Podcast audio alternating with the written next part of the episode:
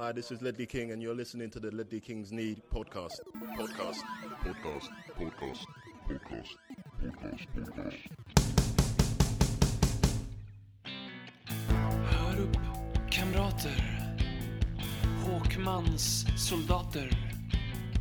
Käka liljevita oblater. Och drick dina kolhydrater. Konsekvent, inkonsekvent. Det bästa som någonsin hänt. Du kommer aldrig bli dig själv igen, min vän. Här flödar hybrisen. När vi poddar på nytt igen. Du kommer aldrig bli dig själv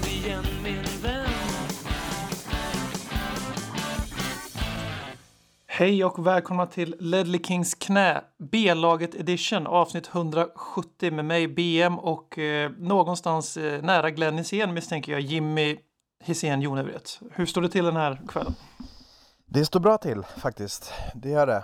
Ehm, det är ju snart jul och så om man tycker att det är kul. Om man tycker det är kul. Jag tänkte för vi hade ju en liten eh, dispyt här med en, eh, din bror Anton för några veckor sedan. Här. Och Det har varit stelt här vid familjemiddagarna på söndagar. vad, var det, vad var det han skrev då? Det var någonting om att vi var elaka mobbare när vi gjorde narr av att Van Dijk inte vann världens bästa spelare. Fy fan vad sjukt. Eh, Men det, vi får hoppas på ett bra julbord i alla fall hos familjen Hisén Jonevret och hoppas att du och Anton kan sätta era skillnader åt Eh, Ja, ja, men det ska, det, ska, det ska nog lösa sig. En spontan tanke, vad tror du fotbollslag har julbord med varandra? Alltså elitfotbollslag, så inte division 6. Alltså fan, det är jävligt oklart ändå. Alltså jag vet ju, är det inte, alltså alla de här skandalerna du vet när Ledley King och de här varit dyngfulla liksom. Är det inte det runt jul eller? Jo visst fan är det. Och det är för övrigt, är inte det, det är också Ledley Kings enda så här hardcore moment i hans Ja, karriär. jag, jag tänker det, jag tänker det faktiskt. enda som ger Det var, honom det var någonstans där han ändrade lite själv, eh, liksom, eh, ja, självbild. Han hade, kände sig jävla städad liksom. Så fick man se bilder på honom när han var totalt väck liksom. Det kändes ändå skönt. Ja, men lite, så han blev mänsklig på något sätt. Ja, verkligen. Lite samma som man kände när man såg Vlad ha en så här riktig 14-års fylla. Fast han var en fullvuxen man och spelade professionell fotboll för Tottenham. Men det var Exakt. en riktig 14-års fylla där. På det, klass, det har fyll, minnas det också var kring jultid. Men jag tänker det, alltså i, i, alltså i Storbritannien eller England känns det som att det är vanligare med jul, julmiddagar eller julfester på något sätt. Jag vet inte. Mm. Ja, det ska bli intressant. Jag har, svårt, jag har spontant svårt att se liksom Harry Kane och company glida in på Hotspur Way och så står det prinskorv och Janssons frestelse i. Det känns, det känns knepigt alltså. Kolhydratsladdar nu pojkar. Exakt. Nej, den känns tveksam alltså.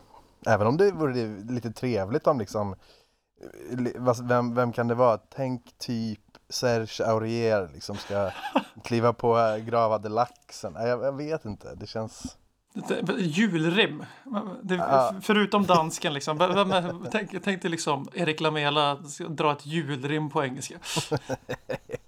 Det hade ju varit så befriande att höra på något sätt, men, men det känns... eh, Det känns långt bort någonstans. Vem hade varit jultomte?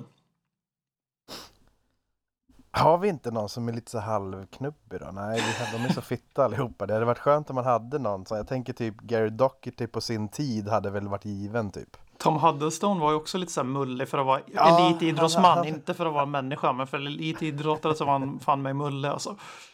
Ja, han hade kunnat, eh, han hade kunnat få vara en. Men annars så, eh, nej. Oklart. hade ju annars lite så här tomtefar-vibb. Där kunde man ändå tänka sig liksom att han kom och gav julklappar i omklädningsrummet och Vill, ville ta hand om alla på något sätt. det känns inte som Josés grej. Det känns inte som det. Han skulle säkert, jag kan tänka mig att José tackar nej till julbord liksom. Definitivt. Eh, En sak som faktiskt kändes José, vi har ju sjukt nog har han varit våran tränare över en månad nu. Det känns ju, vi spelar så jävla mycket matcher den här perioden också så. Ja, det är sjukt faktiskt. Eh, Men eh, en som var faktiskt lite José, det är våran senaste fotbollsmatch mot Wolverhampton. Där eh, Mourinho, höll på att säga Pochettino, där Mourinho ledde grabbarna fram till tre totalt kassaskåpssäkra poäng. Eller hur? Ja, verkligen. Men så, så jävla härlig. Det, var så, det känns som att det var länge sedan vi fick med oss en sån där seger. Känns det inte så? Det kändes absolut som att det var alltså, väldigt länge sedan vi vann en krigarmatch. Ja, alltså verkligen. Vi har Det alltid vikt ner oss så- liksom, det Ja. senaste året. Ja, verkligen. Det, har, det känns som att det var så länge sedan vi var liksom totalt underlägsna i spelet och fick tre poäng med oss. Det känns som att det där händer bara för våra motståndare, att de tar tre poäng från oss. Liksom. Ja, jag, tänker, jag tänker tillbaka till City om man ska gå till den här säsongen, men det var inte, det var inte den typen av Ja, vi, vi stjäl en poäng, det är inget snack om saken. Nej. Det var en sån här fantasimatch där liksom, spelar man om den matchen 100 gånger så 95 av de 100 gångerna så spör de oss med tre bollar. Ja, den här matchen var ju inte 100%. så extrem. Vi var mycket, eller Wolves var mycket bättre än vad Tottenham var. Nu gjorde vi ju mål efter sju minuter, det är för sig, så det påverkar säkert en del. Men det var ändå liksom, man kände hela tiden att vi förtjänar ingenting. Vi, hur länge kan vi hålla ut? Hur länge kan vi hålla ut? Och sen när de sätter 1-1, då kände man bara, nu, it, it's gonna happen again. Och det gjorde det ju på Ja. ett sätt. då. Super-Janne på hörna från Chris. De är ju vana Ja. att samarbeta Verkligen. och, och dela. På, och dela på eh, segens sötma på något sätt. Uh, nej, men det var ju så jävla... Ja, när, när, när Wolves gör 1 då kändes det ju då kändes det jobbigt alltså. För att det, grisig match, regnigt, Wolves är bättre. Vi, som du säger, vi är inte, vi är inte helt liksom chanslösa eller utspelade, men vi, vi har ju inte mycket att komma med någonstans. Så när 1-1 målet kom kändes det fan kämpa nu så att vi får med oss en poäng. Och det måste ju ändå nämnas att en poäng borta mot Wolves, det tar man ju ändå. Eller i alla fall jag. Ofta i alla Ja, fall. man fick en liten, jag fick en liten alltså jag är ju från förra säsongen, blev en sjua förra året också. Började Mm. ju riktigt kast i år med Europa, alltså med nya måtten mött och Europa League. Liksom, det brukar vara svårt för lag som inte har den vanan. Det är bara att kolla hur vi hade det första åren när vi spelade Europa League. Vi var fan katastrofala på helgerna. Ja, ja. Det var ju det som var lite chocken också inför matchen. Vi hade en vilodag med, vi spelade B-laget mot Bayern. Var, kan inte vara så många tr- trötta ben på, i vårt lag. Medan Wolves spelade på torsdagen. I och för sig också en betydelselös match för dem. Men det, är ändå en, det är ändå ett dygn mindre vila. Det ska, borde spelat mer roll. Och det såg ju ut som att det var vi som hade en dag mindre vila om man säger så. ja verkligen, verkligen. Men eh, de är svåra. De Ehm. hade tydligt, fan inte förlorat på hemmaplan i, på väldigt länge stod det. Att vi Ja, hade, jag, jag, hörde det också. Det är, bara det är ju något som är jävligt härligt på något sätt. det, Att kunna bryta en sån trend. Håller du med mig när jag säger att det var första José Mourinho-segern sedan han kom? Alltså 100 procent. Det där känns som Mourinho liksom upp i dagen. Det hade kanske nästan varit ännu mer Mourinho att spela 1-1 på något sätt. Men, men att, att en sån där seger, det känns jävligt härligt att han, både Mourinho har i sig fortfarande, men också att vi får en sån seger för första gången på länge. Det är fan skönt att man har dem i sig, på, att man kan få någon sån per säsong liksom, som man verkligen inte ska ha någonstans. och så två raka borta segrar också, vilket är... Mm. Fan, det är på riktigt nu. Ja, ja det, det känns så jävla skönt och nu är man vadå, tre poäng till Chelsea, eller? Ja. Och vi var alltså Så- 12 poäng efter Chelsea när Mourinho tog över och han har ju inte varit manager mer än en månad som sagt. Så det är... Ja, ja, det, är, det är ju, bara det är ju helt fantastiskt. Med, eh, nu ska vi absolut inte säga med facit i hand, för det är väldigt långt kvar tills vi får ett facit, men bara den här lilla, lilla, vad ska man säga, formkurvan uppåt, så var det ju ett rent så just nu bra kanske att vi gjorde tränarbyte. Ja, man brukar prata om sån ny tränareffekt och den brukar sitta i ett par omgångar och sprattla till att ett lag som underpresterar kanske sprattlar till, som typ Everton med Duncan Ferguson, som så Ja. supertydligt exempel på ny tränareffekt. Det kommer aldrig hålla. Nej, Eh, verkligen. Och, men eh, för oss, det var inte, det, det, man får ändå lov att säga att det har gått för lång tid nu för vi ska kunna säga att ja, men det är en ny tränareffekt. Ah, det är liksom, hur länge sitter det i egentligen? De, de här människorna träffar varandra flera timmar om dagen, varje dag i hela, hela månaden. Mm. Så jävla spännande är det inte att se Mourinho i omklädningsrummet nu för dem. Nej, absolut inte. Och, men bara det att du fick, alltså till exempel då Dele Alli som, som någonstans har varit jävligt bra den här perioden och kommit tillbaka. Eh, bara en sån sak att du får en nytändning med den nya tränaren men att man också håller i den formen och visar att så här bra är jag faktiskt. Eh, och, och en sån sak kan ju betyda en jävla massa tänker jag. Och det är, så här, det- är ganska tydligt nu med Li- Livio hade ju någon intervju här i, som jag läste sammanfattning av på Twitter idag med där han sa att är jättevälkommen tillbaks någon gång i framtiden och bästa tränaren han har haft i sin, karriär i Tottenham och eh, de hade en bra personlig relation. Det var svårt och det var det tuffaste beslutet han hade tagit att sparka Maurizio. Men han, vi diskuterade ju det i den podden liksom, och i flera poddar efteråt också att beslutet togs för att rädda den här säsongen. Man valde att rädda den här säsongen istället för att göra den här, för vi kommer fortfarande behöva rebuilda efter den här säsongen, garanterat. Det här, det här, det här, den här truppen har fortfarande tagit oss så långt den kan. Och det är fortfarande 100%. renovering på gång. Men man valde att försöka rädda den här säsongen för att förmodligen gå in i sin renovering med Champions League ett, ännu ett år. Och nu är det ju för fan, men det går inte att säga någonting annat än att det är på riktigt nu. Det finns ju en Nej. reell möjlighet att vi kniper den där fjärdeplatsen. Det får vi tacka våra rivaler för. Ja, det får vi ju verkligen göra, men också att, alltså, att vi är med i den striden nu, det är ju, det är ju bara, det är bara tack och ta emot och fortsätta rida på, på den här positiva Mourinho-vågen som vi har nu. Ja, för vi går ju, Eh, som du säger, fan, för en månad sedan var vi 12 poäng efter. Nu är det tre och vi möter ju Chelsea på, i helgen. Och, det Ja. och vi har, om vi skulle vinna den matchen så är det fem segrar på sex ligamatcher för Mourinho och en vinst på sex ligamatcher för Chelsea. Så deras formsvacka precis samtidigt som våran formtopp då under Mourinho. Mm. Och om man lämnar Wolves-matchen där därhän så tänker man framåt istället så, så ser ju säsongen, det finns ju liv i säsongen helt plötsligt. Såklart, och det är ju jävligt viktigt för både oss supportrar men också för spelarna tror jag, 100% så att man inte hamnar i någon jävla mittenland där man inte riktigt bryr sig. Och, och då kan det ju vara jävligt skadligt med tanke på vissa kontraktssituationer vi har, vissa som vill bort och så vidare. Så att, att det här lever någonstans, det är ju, det är ju jävligt viktigt för, för alla inblandade på, något sätt. Man minns ju tillbaks till den senaste säsongen får man väl lov att säga där vi inte hade någonting att se fram emot eller spela för. Det var ju Sherwood, när Sherwood tog över ett AVB. Ja, Det är ju jävligt tufft som supporter i sådana tider att liksom bry sig. Alltså man bryr sig, man sitter där och kollar men det finns, det finns inget endgame. Det är lite Nej. som, att, lite som att kolla på, kolla på ett bottenlag som håller, eller att hålla på ett bottenlag i en nordamerikansk liga. Ja. Det de spelar för är att få vara så dåliga som möjligt så de får välja en så bra talang som möjligt. Det är, liksom, det, hur, det är inte konstigt att de har en annan supporterkultur där. Hur fan ställer man sig till det liksom? Sitter Nej, på alltså- säsongsplåt. Ja, alltså, men du som ändå är insatt i lite med NHL, är det så att det blir det liksom, kanske inte läggmatcher, men det måste väl nå- någonstans bli det lite där eller? Jag kan säga så här, för några år sedan så var det så tydligt att två lag försökte tävla om vilka som skulle vara sä- sämst för att få välja Ja. Conor McDavid som är världens bästa spelare. Ja, Och eh, till exempel Buffalo som var ett av lagen, de tradade bort sina, först sin första målvakt för att han presterade för bra. Sen han som kom in istället tradade de också bort för att han presterade för bra. så, och efter det så gjorde de om reglerna lite, att man inte var garanterad ett visst val om man eh, slutade helt jävla sist. Och de har diskuterat där borta, liksom ta bort just den här biten att i, att eh, de som blir sist har störst chans att få välja först. För just för att lag ska fortsätta tävla. Så läggmatchen, ja, men eh, general managers jobbar i alla fall för att försvaga laget så mycket på papper som möjligt för att de ska ha så liten chans som möjligt för att vinna. det är, så, det är så jävla speciellt.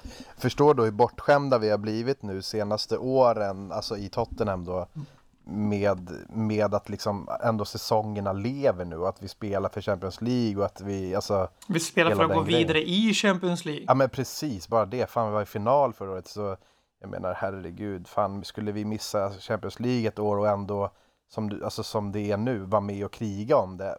Då, jag ska inte, man är inte nöjd med det såklart men det, ju, det blir ju betydligt roligare säsonger av det i alla fall. Ja, men en femteplats kan ändå bli en vinst i år på ett sätt som den inte kunde bli de senaste åren eftersom att vi låg eh, 14 plats för en månad sedan. Ja, exakt. Sen räddas vi ju av att våra rivaler är så jävla pissusla och jag tror att det var lite det Tottenham har gamblat med de senaste säsongerna att ah, fan, vi gör inte den stora pushen för vår trupp är fortfarande så pass bra hur tunn den än är. Så att vi kan sluta före Chelsea, United och Arsenal trots att vi inte borde kunna det. För att det är så svag liga nu för att vara Premier League. Så det är liksom det är Liverpool och det är City och i år är det Leicester. Vi får se hur hållbart det är. Mm. Och sen, det har ju varit vi de andra åren som har varit med och sprattlat lite på riktigt. Ja, Och så exakt. har liksom United och Arsenal varit pissdåliga hela- helt enkelt. Och Chelsea också för den delen. United direkt efter de studsade till mot oss och mot City direkt pissusla igen. Ja, Ingen det, fantasi. det, det var ju det som var så jävla irriterande med den United-matchen kan man tycka. Verkligen. Att, att vi var så jävla dåliga då, liksom, det är så onödigt på något sätt. För att de är ju inte bra, man ser ju det liksom. Jag tänker på Champions League där vi pratar mycket om C, eller man, känner ju sig som en lite modern plastsupport när man pratar om en fjärde plats. Men det är ju det enda vi har att spela för den här säsongen. Eventuellt en fa Cups-titel då, eftersom Mourinho lär ju inte vaska den. Han vill ju väldigt Nej. gärna vinna en titel med Spurs också. Så är det ju. Eh, Så vi lottas alltså mot eh, Red Bull Leipzig. Yes. Dina spontana relationer till den här klubben? Jag vet ju att du är ett stort fan av energidrickan i alla fall. Ja, precis. Eh, nej, uh, alltså spontan reaktion var väl egentligen okej okej lottning liksom. Det var, de, de, fan, de leder ju Bundesliga och, och sådär. Nu underpresterar väl Bayern i och för sig också, men det är ju något kvitto på att det, det är ju ett jävligt bra lag. Så att det, jag tyckte att när man tittade på pottarna som fanns med lag att få så var det inte jättemånga som var så här, oj, de vill jag verkligen ha. Det var väl möjligtvis, vilka kan det ha varit? Var det Valencia, va? Valencia som var det hetaste möjligtvis alternativet då.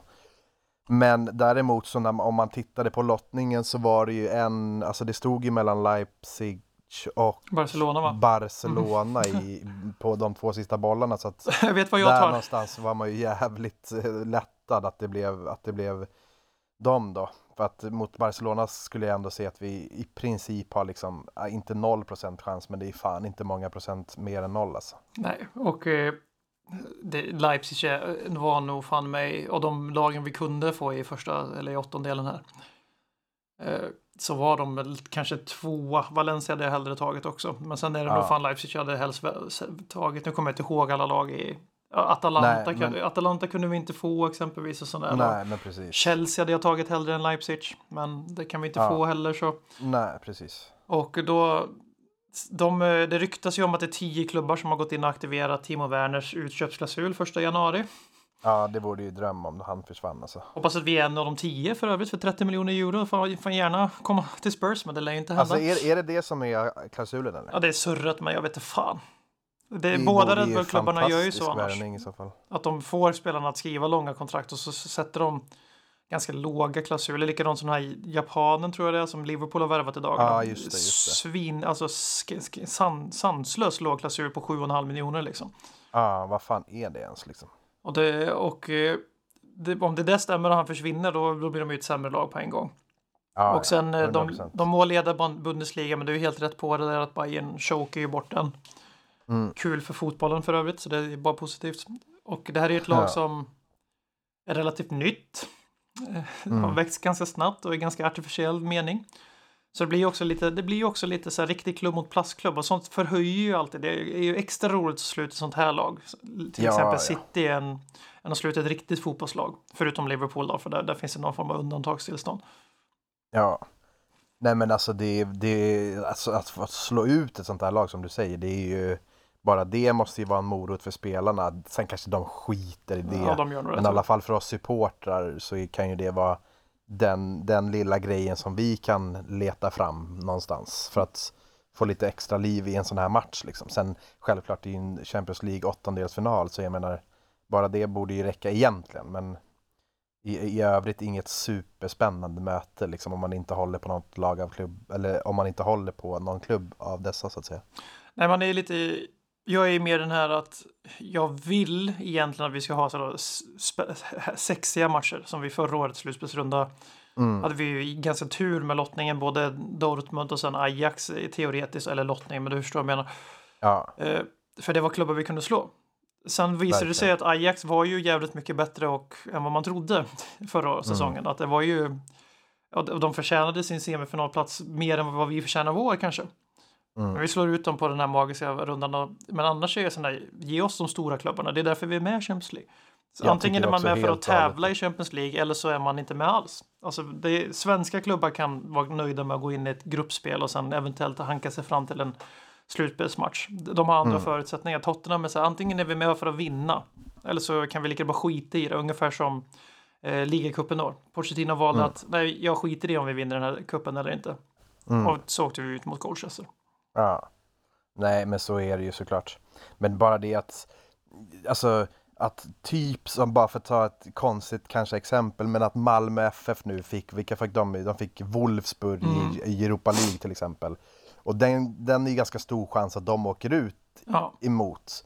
Då hade det väl varit roligare för Malmö att få Arsenal eller vilka fan det nu hade varit som drar i alla fall lite publik. Mm. Eh, därav att kände jag också lite så som du, jag är helt 100% håller med där. Det hade ju varit, tänk om vi kunde fått till exempel Juventus nu och få en jävla revansch mot dem eller liksom det är inget omöjligt lag att slå ut liksom. Sen är det klart att det blir svårare om man vill ju komma så långt som möjligt men fan, få, få de här halvtråkiga matcherna är ju inte alltid jätteroligt heller om man skulle trilla dit nej, och är- vi ska inte sitta här och tro att vi, alltså, att vi städar av Leipzig. Jag tror Nej. det är, här i veckan hade de, eh, jag tror de mötte Dortmund borta. Dortmund är ju Mm. också rätt svajiga den här säsongen. Ja, verkligen. Eh, tar in 3-0 till 3-3. Det är ändå, Mm. det är inte jätteenkelt att göra. Så Nej, att det, är ju ett lag inte. som eh, jag har sett alldeles för lite av. Jag, har, jag gör en ganska stor poäng av att inte jag ser ingen Leipzig. Jag kollar aldrig på Salzburg. Jag var inte intresserad av den här eh, unga 19-åringen vars pappa är mest känd för att ha fått knät sönderstampat. Alltså, exakt. jag har, jag har ingen, in- inget intresse av att liksom sp- sponsra de här plastklubbarna på något sätt. Nej, nej, skit i det. Men det, det, det är verkligen så. Jag tror, att, jag tror många har för dålig koll på, på, på Leipzig. Så att, jag menar, det, det är väl som det är liksom. Men ja, vi har goda möjligheter att ta oss vidare, så kan man ju säga. Absolut. Eh, det är väl egentligen ingen större anledning att eh, dra ut på det längre. José Mourinho ska åka till Stanford. Nej, det ska han inte alls det. Frank Lampard ska komma hem till oss och få piska av sin adept, sin mentor, sin nära vän och sen Mourinho eh, var i Sky och Lampard drog över Chelsea också fiender lite grann. Det är alltså Tottenham Hotspur mot Chelsea den här Mm. helgen. Spontana reaktioner. Alltid, alltid roliga matcher, lite ångest. De är inte lika ångestfyllda de här äh, mot Chelsea som till exempel mot Arsenal, i alla fall inte för mig. Även om det är, jag, jag, jag kan ändå se fram emot en sån här match. Jag kan, det, kan vara, det, är en, det är en bra match, framförallt på hemmaplan.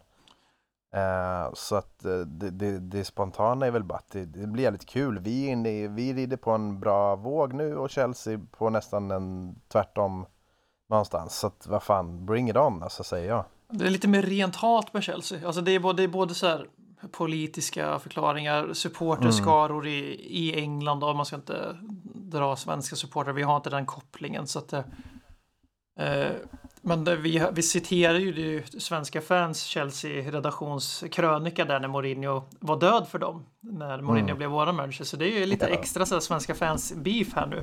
Det, det verkligen. är ju lite kul, lite brag and right sådär. Men ja, annars är det så, jag har inte heller lika mycket ångest inför vi ska möta Chelsea. Kanske lite grann för att jag, de mina aktiva supportrar och som till Spurs, då har vi varit så jävla chanslösa mot Chelsea i ungefär 15 år. Och jag Mm. har ju hållit, hållit, hållit på Spurs i 17 år. Så att Ja. det, har varit, det har varit en tuff tid. Ja, verkligen alltså. Och sen eh, det här med oljeklubb, en av de första riktiga oljeklubben i fotbollen. Rikt, alltså riktiga, alltså konstgjord vägklubben. Real Madrid, Barcelona, Manchester United kan du aldrig, ut, alltså aldrig anklaga för att vara och tagit genvägar till framgång på det sättet. Men Chelsea kan du definitivt säga att de har gjort det eftersom de, det var någon som kom in och pumpade massa pengar. Det är så de har blivit bra. Ja, Och eh, så det, det har ju den, den tändväskan och sen så har du ju framförallt Battle of the Bridge. så är det ju. Men, men det, det som du var inne på där också, det, det, är, något, det, att det, det, det är något jävla rent hat som du Mm. säger. Alltså mot Arsenal, det är så jävla mycket mer på något sätt än bara hat. Det är ju Det är ångest, det är känd- alla möj- ja, ångest, det är liksom, det, är- det, är- det är hemskt på In, sätt. innerst inne så finns det en motvillig respekt från båda håll från klubbarna för att de är ganska lika varandra. ja. Man får ju gräva djupare i lådan mot Arsenal för att där är det ju det är ju den här historien om hur de kom till och hur de hamnade i norra London. Men det är jävligt svårt att sitta i Sverige och bli upphetsad över. Ja, det, den är ju knepig alltså. Den, den, går, den är ju svår att, att gå igång på från, min, från mitt håll i alla fall. Och Chelsea, Chelsea är bara lättare att hata. Och sen så Ja. säger inte jag att jag inte hatar Arsenal, även om jag faktiskt inte känner sådana känslor mot dem just nu. Det är mer parodi på Arsenal. Ja, men det håller jag helt med. Där är det, den, jag, man, ja, något har ju hänt där på senaste i alla fall. De gör så mycket konstiga grejer också som man bara kan garva åt liksom. Och eh, Chelsea är ju någonting annat. Och det är ju José Mourinho till stor del som har byggt det Chelsea som man har lärt sig att hata. Ja, det är det som är så jävla, det är det som är så jävla hemskt på något sätt att han nu står på våran jävla tränarbänk. Det är för sjukt på något sätt. Och Att han byggde upp den här jävla oljeklubben liksom. Det är det som är så konstigt tycker jag. Ja, och, eh, och nu är det hans liksom, adept Lampard. Jag läste någon Athletic-artikel där om hur, hur bra relation de hade, hur han hade pekat på honom och sagt du ska bli min däck och du är lika bra som Ronaldo, Ronaldinho och Zidane. Du ska bli världens bästa spelare och liksom gjorde honom hur jävla bra som helst. Och hur fin relation de har haft. Och även Ja. utanför planen och allt det där. Men sen så, när, så sen när Lampard får jobbet och då hade- tyckte han att Mourinho var lite för kritisk mot honom så började han böla på presskonferenser och pikade och så man hoppas ju liksom, jag, jag, för jag är lite så jag sitter ju och väntar på den riktiga Mourinho. Det, Ja. Vi såg liten, liten bit av det mot Wolves för att han firar ju 2-1 målet rakt mot sin före detta assistent eh, Nuno Espirito Santo eller vad han heter. Ja, Han heter ju den gud, den heliga anden och den förlorade sonen typ. Ja. Eh, Och det var lite, lite, lite riktiga Mourinho, men han, han är ju fortfarande en mysgubbe. Alltså det är, jag har jättesvårt att komma till, alltså komma till insyn med att Mourinho är en mysfarbror. Ja, det känns, det känns jättekonstigt. Men, men är det inte någonting också, eller jag vet inte, det kanske bara fått för mig det här, men när han blir lite så här grisig, lite, lite oskön och lite sådär som han, som han är egentligen, inte, har inte det, kan inte det ha någonting med att göra också att när det går lite sämre för hans klubbar, är du med på vad jag Ja, menar? då? deflekterar ju. Han, tar, jo, Han, han blir dålig, på dåligt humör, han liksom Ja, det, det, han, det känns som att det är då han vill liksom visa tillbaks och jävlas och liksom pika folk och lite så. Nu känns det som att han ändå har kommit in i det här jävligt bra. Det finns inte så jävla mycket att, att gnälla på just nu i alla fall.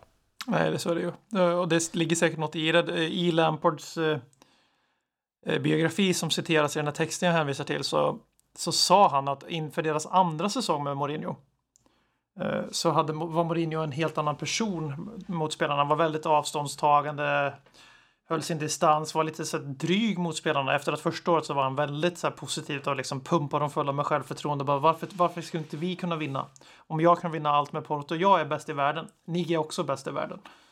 Och han är väl i den fasen med oss nu. Det är bara att kolla på Delles. Det ju redan blivit odödligt det där. Are you Dele or Dellis brother? Mm, ja men precis. Dele, well play like Dele. Ja. Eh, och så där, han är ju i den fasen nu, så nästa år kanske vi ser en mer sur, tjurig Mourinho för att det, det är så han gör. Han har Ja. ju kort brintid i sina klubbar.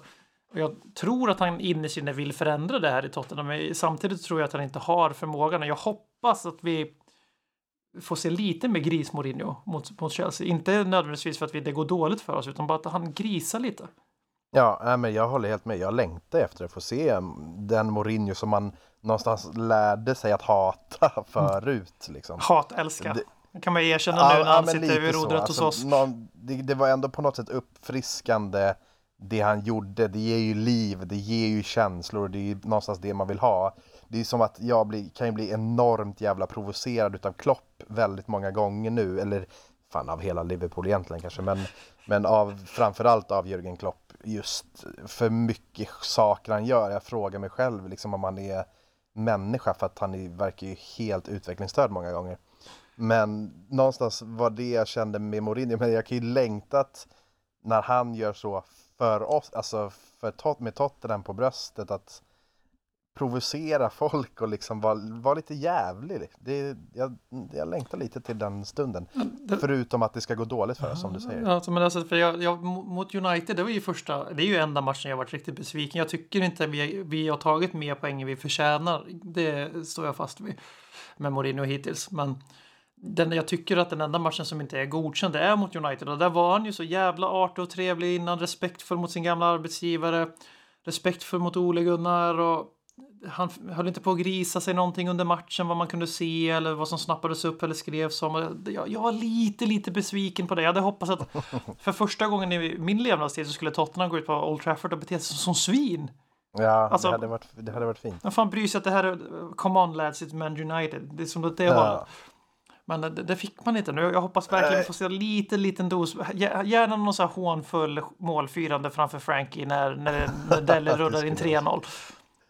Det skulle vara så jävla fint. Vad, vad gjorde han nu mot Wolves? Han, han gick ner på knä. Ja, han gick på, och så tydligen då rikt, eller vänd mot eh, Nuno Espirito Santo. ja. Som tydligen hade varit hans gamla assistent. Det hade jag noll jävla koll på. Nej, jag hade inte heller en aning om det. Alltså.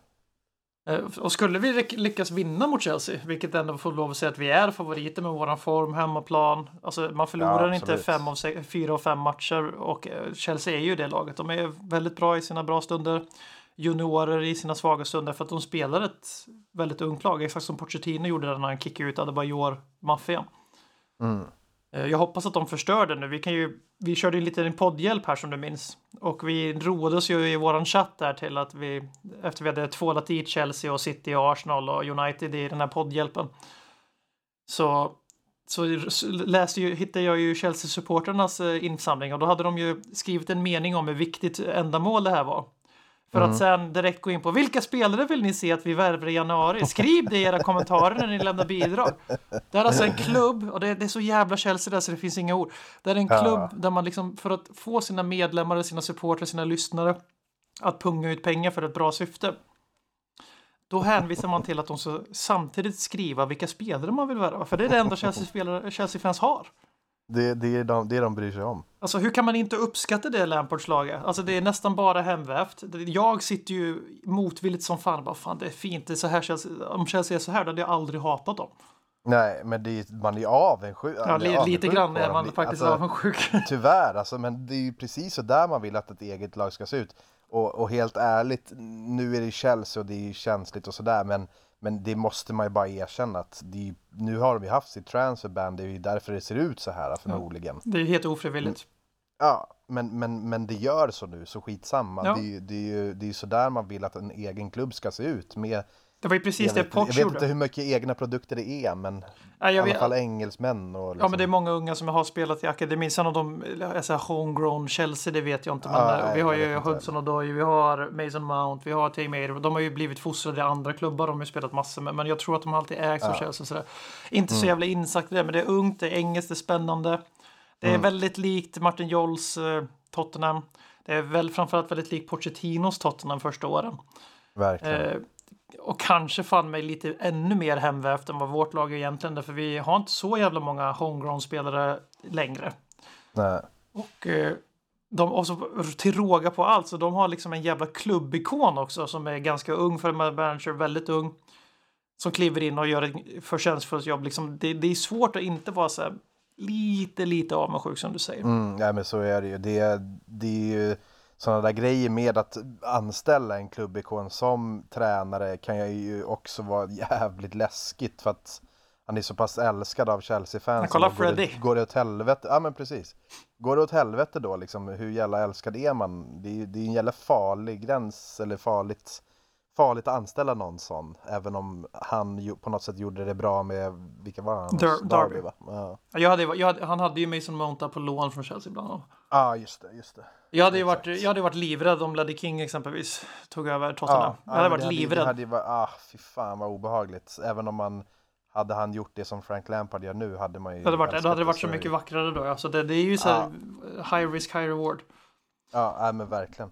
Så, så vinner vi matchen då så går vi alltså upp på samma poäng som Chelsea. Det, det här topp 4-striden har ju tajtat till ordentligt. Vi, Arsenal är ju för fan inte ens riktigt avhängda. Även om de ligger Nej, väl sju nej. poäng efter Chelsea. Men det är ju inte så. Det är fortfarande mycket fotboll kvar.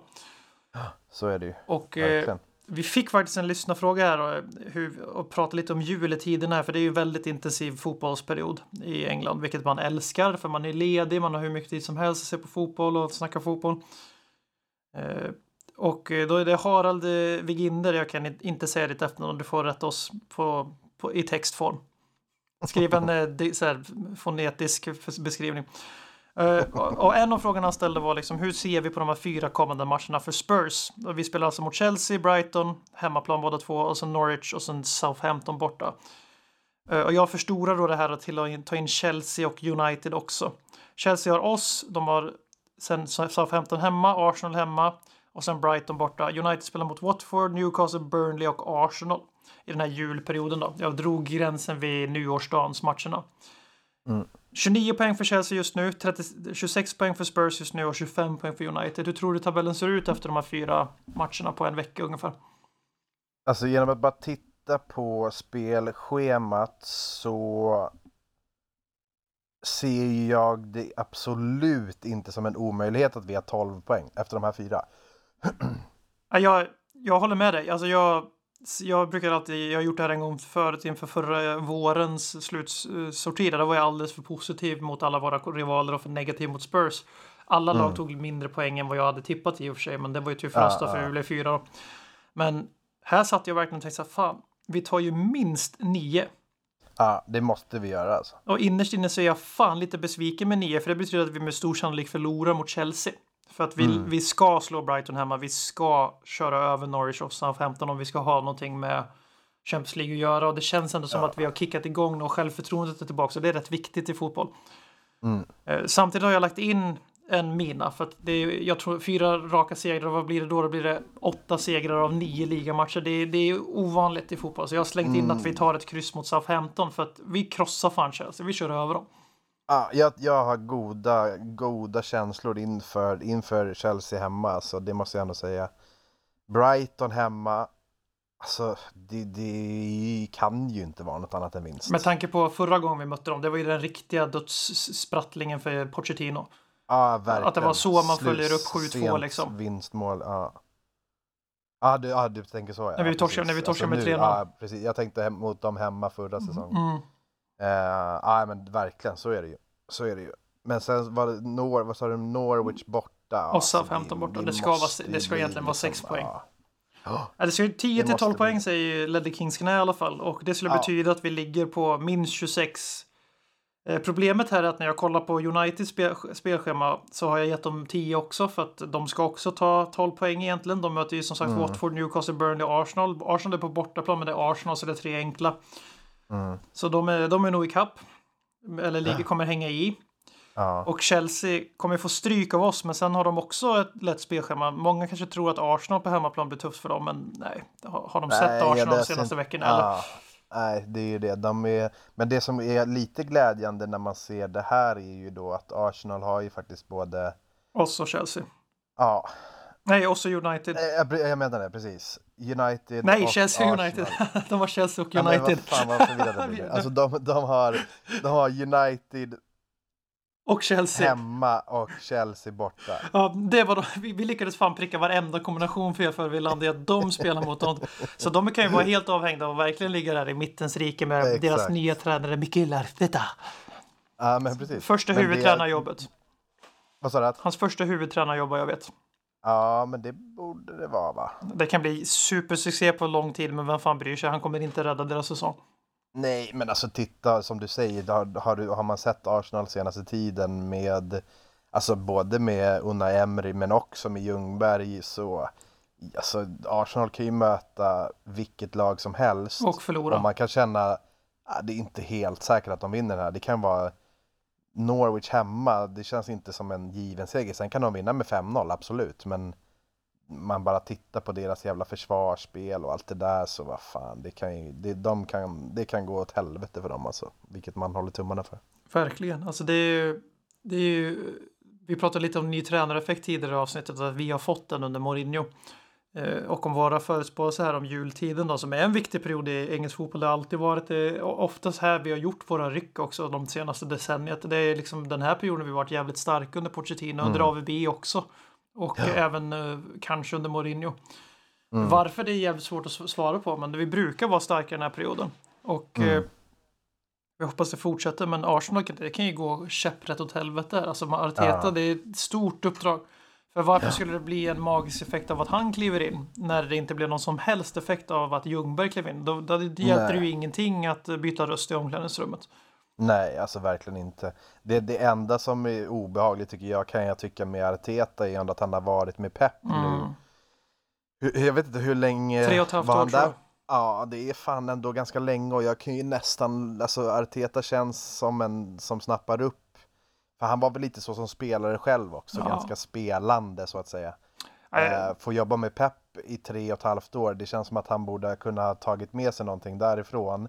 Det gör det lite oroväckande, men vi, jag trillar alltid tillbaks till samma ställe. Alltså, Arsenal ser ju så bedrövliga ut så att det var ju alltså att de sprattlade till mot eh, West Ham och vann borta med 3-1. Alltså de var bedrövliga i 80 minuter, så gjorde de tre mål på 10 minuter. Mm. Så att, ja, det är... Jag, jag, jag är inte så jävla orolig för dem. Då är, då är ju Chelsea och United betydligt jobbigare någonstans. Eller det blir de största hoten, så kan man väl säga. det var därför jag inte hade med Arsenals fyra. Vi vet att de ska två av de matcherna för att de möter lag i den här. Men jag ser också att fjärdeplatsen är ett slag mellan Chelsea, Tottenham och United. Och eh, Mm. därför blir de här interna matcherna ofattbart viktiga. Och vi har ju varit svajiga mot storlagen. Vi, vi börjar ju bra den här säsongen med två kryss där vi borde haft fyra poäng eftersom det är aldrig acceptabelt att tappa 2-0 hemma mot Arsenal. Men det är ju Mm. deras cupfinal nu mer. Så att, eh, och det. märks ju när de spelar mot oss. Och eh, det som har hänt i Arsenal är väl det som vi, man var livrädd skulle hända hos oss också. Det är när spelare blir större än klubben och anser sig vara större än klubben. Mm. Vad händer då? Jo, när de känner för det då blir det bra. När de inte känner för det så blir det dåligt. Ungefär som Spurs under med Adebayor var stjärnan med Tim. Ja, verkligen. Så, så det är bråda tider, juletider, så om vi får önska oss någonting så är det ju noll poäng för Chelsea och United. Men det känns som att tomt, inte ens tomten kan leverera sådana In- mirakel. Inte ens tomten ger oss det tror jag faktiskt heller. Inte, när- inte när de Men- möter Arsenal. Annars, tre poäng tror jag han kan ge. Att de tar bara tre var mot Arsenal. Men annars. Men det, det, det, då har tomten varit snäll tycker jag ändå, det måste jag säga. Om, om de tar tre poäng mot de enda mot Arsenal. det, men det skulle vara så jävla fint ändå. Alltså, alltså det skulle vara som att man levde i någon jävla fantasiland. Men om vi ska gå de två senaste åren till minne så kommer det också betyda att vi också bara tar tre poäng såklart. För det var ju så det har varit liksom. att Ja. Vi förlorar, då förlorar alla andra lag. Vi vinner, då vinner alla andra lag. Så e- enormt irriterande, irriterande grej det där när man liksom ser sin möjlighet och så går man på någon jävla, så gör man någon jävla skitmatch själv när man har chansen liksom. Det, det är så typiskt många lag tror jag känner lite samma där alltså. De, de kop- kopplar bort de här sista procenten och alltså 98% inställning mot 100% inställning. Det, alltså det är, så länge det är professionella lag som ställs mot varandra så det, det räcker ofta alltså. Ja, det kan ju verkligen göra det. Så det såg man ju typ mot Brighton borta i år. Mm. Kanske då, som du sa, nämnde tidigare där.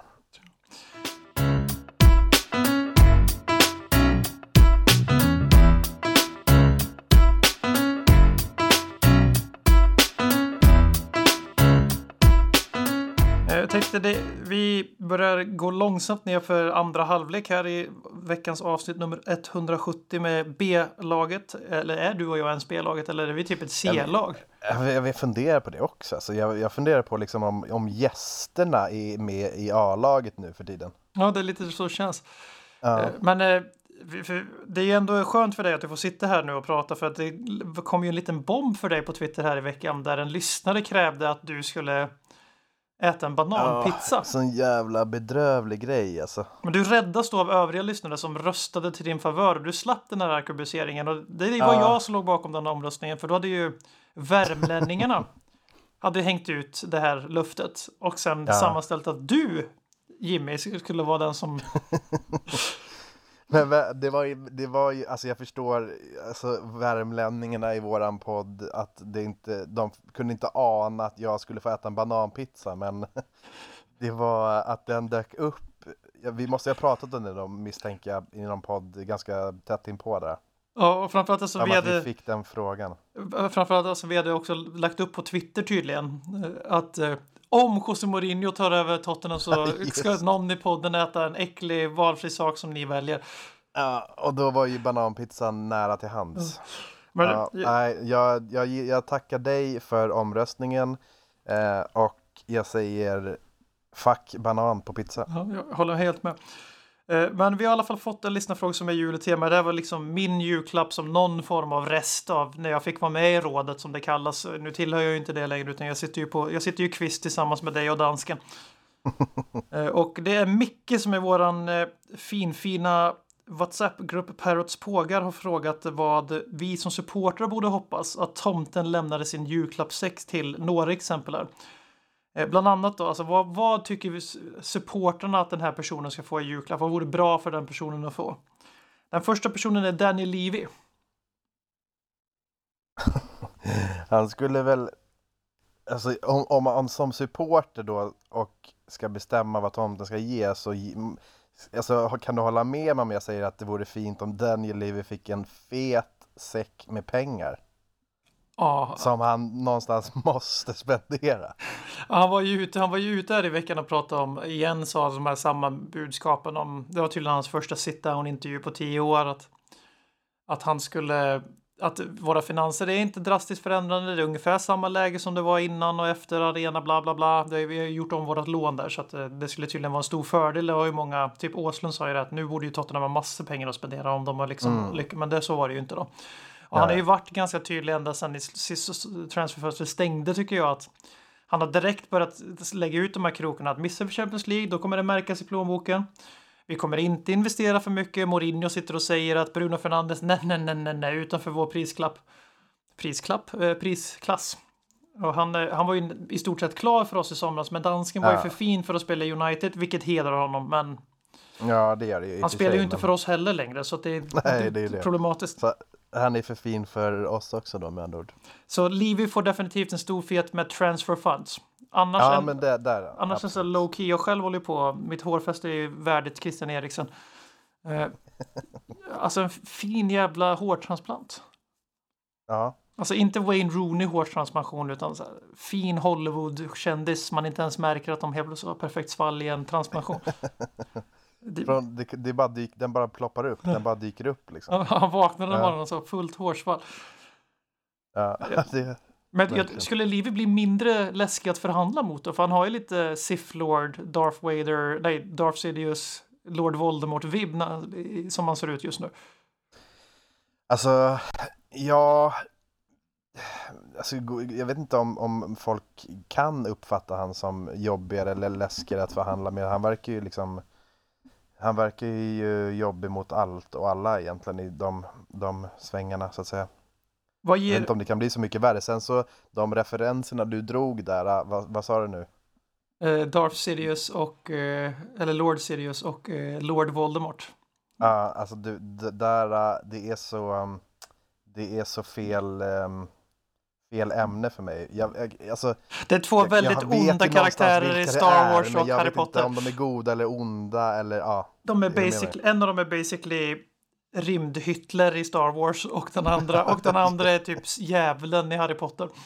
Ja, Okej, ja, nej, men då, då um, det, vore, det vore ju fint om man inte blev till en, en förhandlare Hitler, om man inte redan är det. Jag vet inte, kanske han är.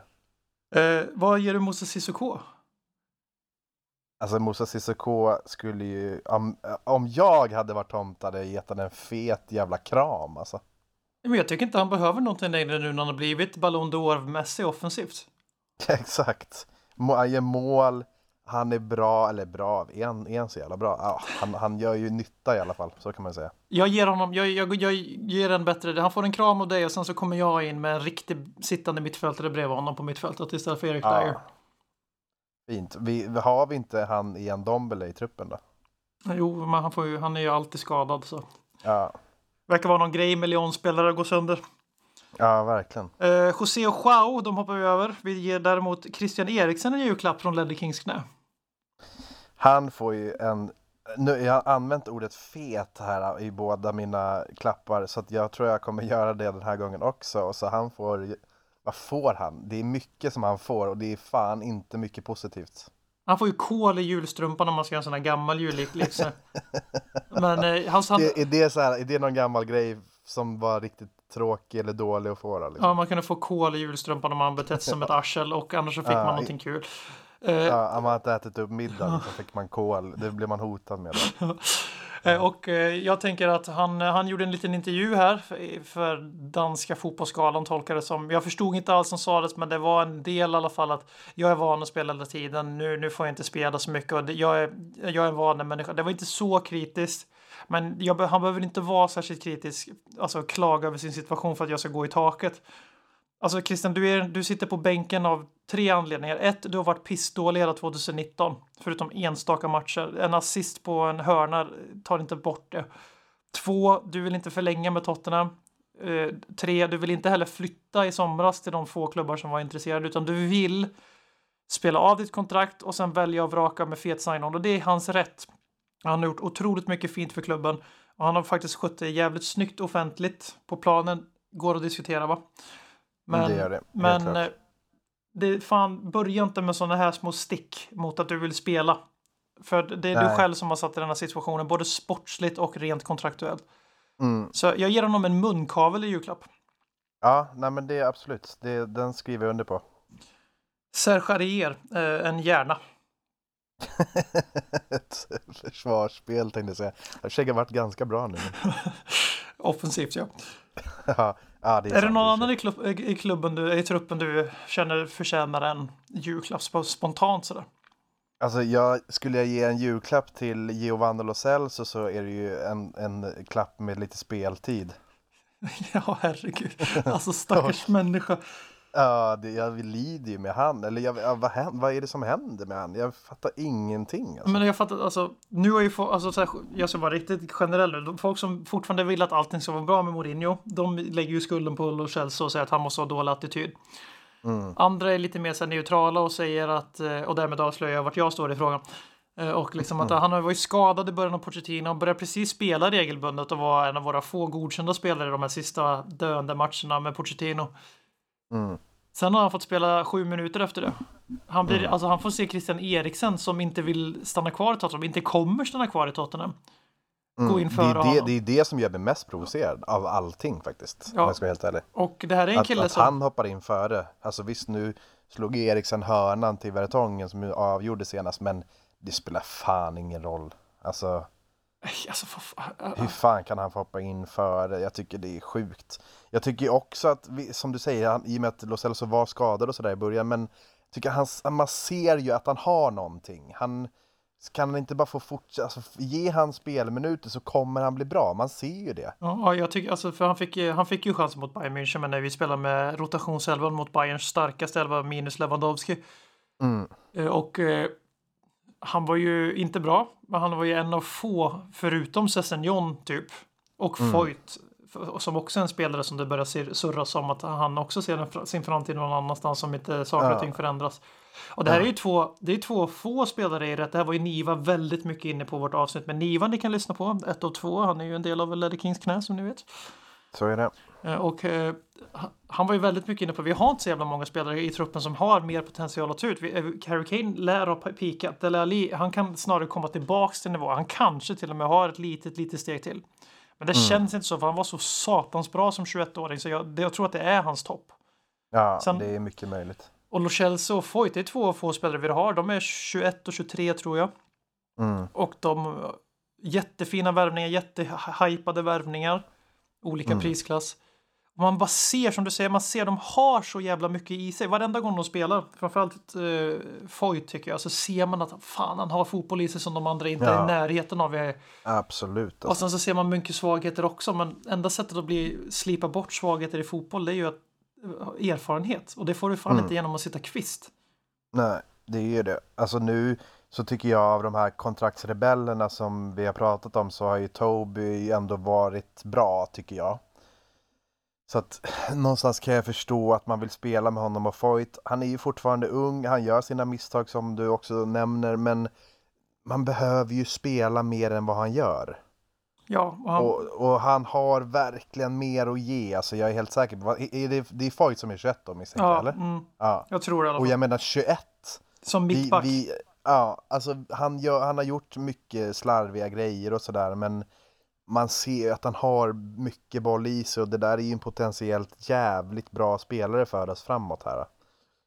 Så att det vore så jävla sorgligt att se både Lo Celso och till exempel då Foyt slarvas bort liksom. Och så är det en jävla dokusåpa med Lo Celso också. Jag håller helt med allt du säger. där.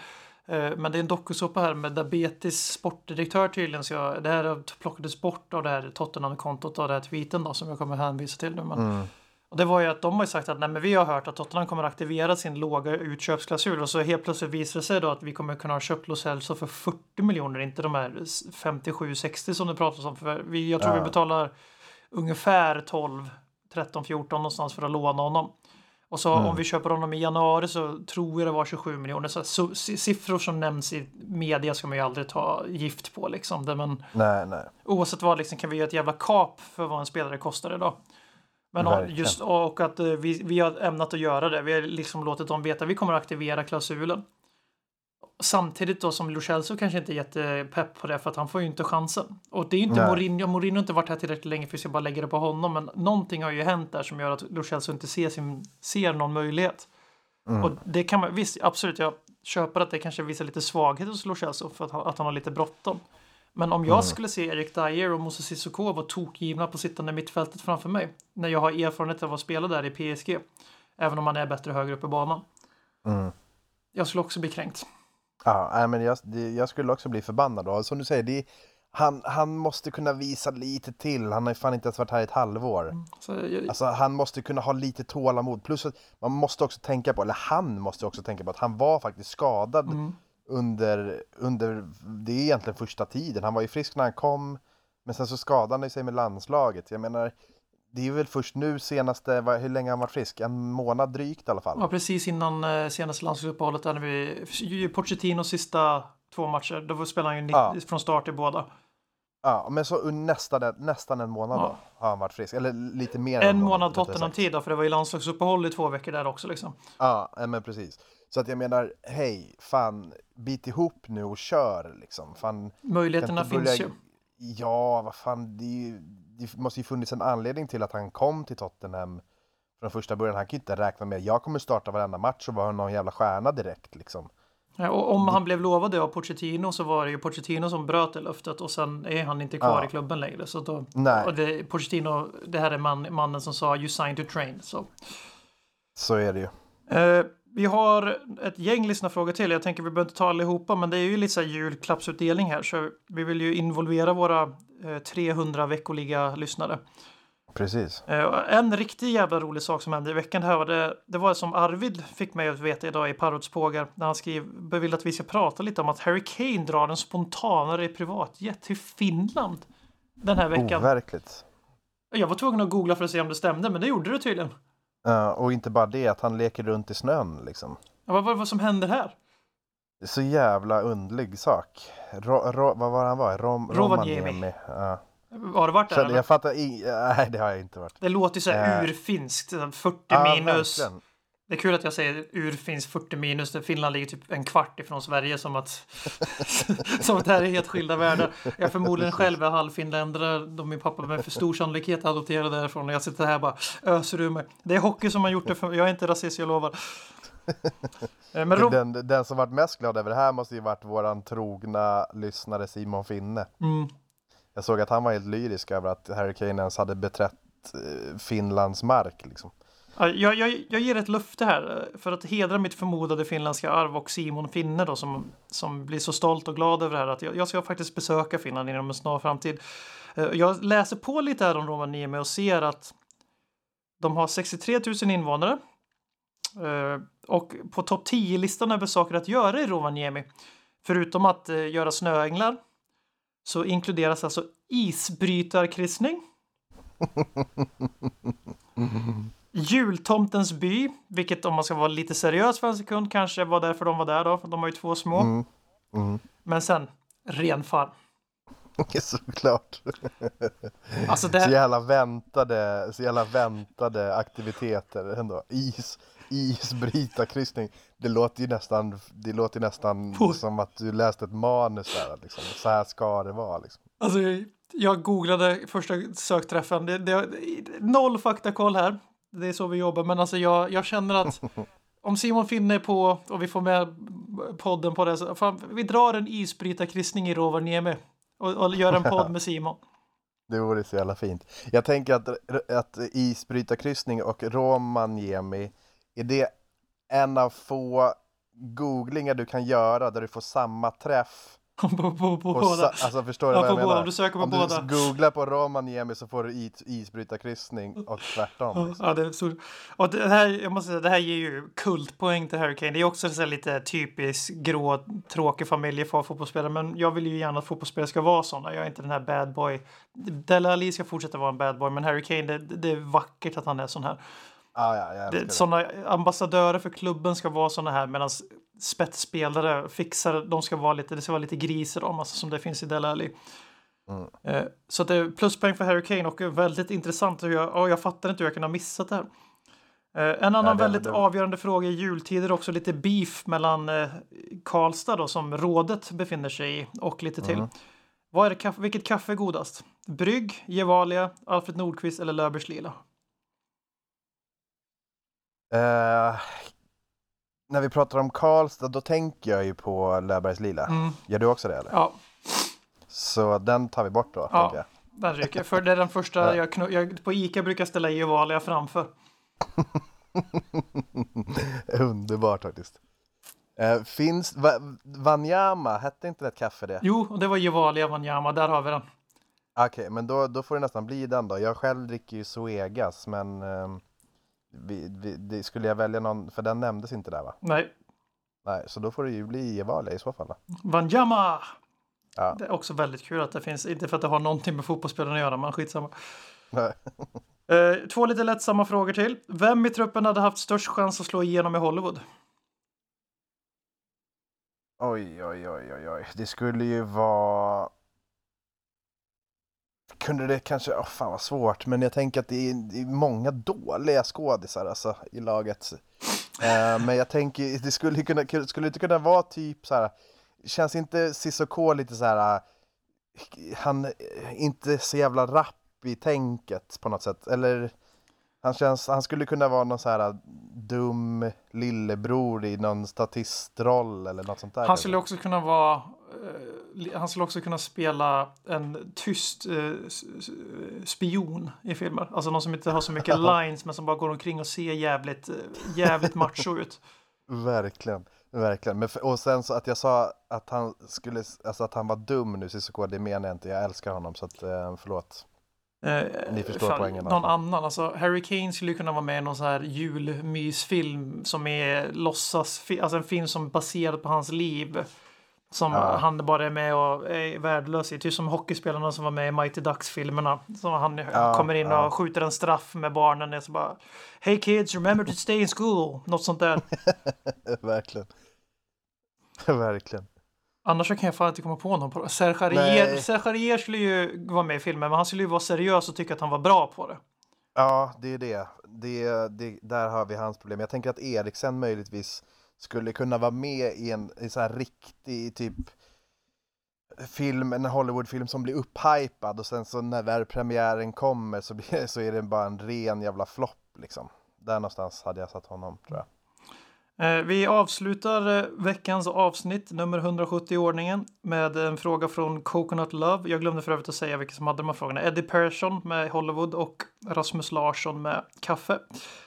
Berbatovs Babo, Baby, Coconut Love 8, bra användarnamn, Otroligt. skriver Vad är den största skillnaden mellan Tottenham 2019 kontra Tottenham ni lärde känna i början av ert supporterskap?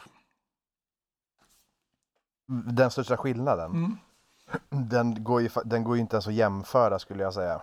Ehm, jag, jag kan inte säga faktiskt vilket år jag började supporta Tottenham. Det har ju någonstans varit med i större delen av mitt liv, men om man ska tänka det, de aktiva stunderna så var vi ju ett mitten, undre halvan-lag. Med liksom, charmiga utan- kultspelare.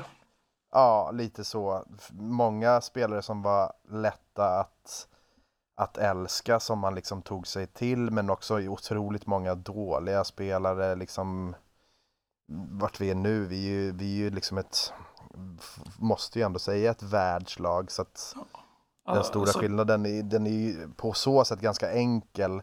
Sen kan man ju gilla, det kan jag göra i alla fall, uppskatta och gilla båda, båda delarna så att säga. Det är ju 17 år för mig. Och sen får man vara ärlig säga att det har ju blivit mer och mer med åren och varit blivit lättare att följa laget och så vidare. Det var ganska svårt i början på 2000-talet. Relativt svårt i alla fall jämfört med idag. Mm. Men det är samma beskrivelse där. Tottenham började ganska snabbt efter mitt eh, supporterskap börja klättra upp och utmana de här eh, Uefa-cupen-platserna och Europa League. Det var bara 4-5 år innan så hade vi ju flera säsonger i rad och vi var liksom med i de här. Vi vann till och med ligacupen, och gick till final året därpå eller om det var året innan, jag kommer inte ihåg ordningen där. Uh, och sen efter det så börjar den här 2010-talet där vi har egentligen i stort sett varit en Champions League-kandidat nästan hela 10-talet. Och så nådde det väl sin peak där eh, förra året då, när vi var i final i den turneringen. Och, alltså man har ju varit med i en förvandling från en klubb som var charmig och man inte brydde sig så mycket om tabeller och så för man funkar inte på det sättet när man är i den åldern. Dagens kids gör det men för mig var det bara fotboll. Det här laget tycker jag om och de har fina tröjor och Robbie Keane spelar där och det är kul att se dem. Till att Mm. bli liksom ett lag där jag har förväntningar och jag har krav på klubben. Jag, Mm. jag blir mer besviken på förluster för att vi, det ger effekter i tabellen än bara fan mitt lag förlora. Eh, och eh, vi har liksom gått från att inte ens kunna tänka tanken Champions League till att vara en av de absolut största fiskarna i världen och eh, i havet och ha Alltså, det, det går, vi har blivit en sån... Man känner inte, man har inte hängt med själv riktigt på den här resan från charmigt pop, eh, mittenlag till en stor klubb som typ alla känner till och alla förväntar sig att det ska gå bra för. Och Mm. det, man, man själv är ju kvar i, jag är ju fortfarande kvar i joldlaget. Jag lever ju fortfarande i någon form av bild av att vi är fan fjärdeplatsen är en bedrift och sen hade vi Pochettino och då var det så fan, fan vi kan fan vinna ligan och jag har inte kommit, Mm. jag har inte kommit fram till att bli bekväm med det. Jag är fortfarande obekväm Nej, med nej. det. Ja, ja, hundra procent. Så att eh, det, det är svårt att förklara. Men eh, Mm. om tio år så kanske vi är tillbaks till, till Tenfenham, men det kommer inte spela så stor roll. Nej, verkligen inte. Men alltså grejen är också att jag kan också hata det på något sätt. Alltså man älskar ju att Tottenham har blivit bra, att vi har blivit så stora som vi har blivit och att det är häftigt att vara med på den utvecklingen. Men att som du säger, att man ska ställa krav och man blir så jävla besviken om vi torskar en match för att shit, nu hamnar vi för långt efter fjärdeplatsen och sådana grejer. Fan, jag kan någonstans inte gilla det också. Alltså, Nej, för det är ju inte det, är inte det ska- det ska gå ut på. Alltså, Nej, det är inte, och det är någonstans det som vi har lärt oss. Det är inte det, är inte det vi har lärt oss helt enkelt. nej. Vi, vi, man ska ju vara nöjd och glad om man har någonstans där att göra, liksom om man kan sticka upp något år. Och det var ju också ganska bekvämt, men kanske också lite tråkigare på något sätt. Jag vet inte. Ja, Det är, ja, det är ju mer spännande att vara supporter nu, men det är mycket mer upp och ner också. För en torsk nu, då blir man ju knäckt liksom. En, en vinst nu så kan vi gå till Champions League i, i, alltså final i Champions League. Bara en sån sak är ju helt sjukt liksom. Ja, men det blir lite den här liksom att det är högre toppar men det är också mycket lägre dalar. Ja, verkligen. Nu missar ju det. i alla fall jag de här mörka 90-talet då när det var riktigt mörkt kring klubben. Det Ja, man ju, men det gjorde jag med. Jag tror inte de hade fått så mycket nya supportrar i klubben då om man ska vara ärlig utifrån. Nej, nej, verkligen inte alltså. Eh, Så att det, det, är en, det är en jävla resa och eh, podden har ju varit med på sex år av den resan. Eh, I stort sett Mauricio Pochettino-eran. Mm. Eh, Och eh, nu är vi en José Mourinho-podd och eh, det ska bli en jävla njutning att se mästaren José hugga armen av sin lärling Frank Lampard i helgen och så hoppas vi att vi hörs inom kort. Ja, Verkligen, det gör vi. Jag tyckte att eh, vi kan också, vi säger det bara, att det var bra avslutande ord. Egentligen, men jag bara tänker att vi, var, vi lät väldigt glada och romantiserade när vi pratade om Chelsea och hur de har utvecklats nu. Så att vi säger bara, som du sa, fuck you och att Mourinho kör över Frank Lampard helt enkelt. Absolut. Konsekvent, inkonsekvent Det bästa som någonsin hänt. Du kommer aldrig bli dig själv igen min vän. Här flödar hybrisen. När vi poddar på nytt igen. Du kommer aldrig bli dig själv.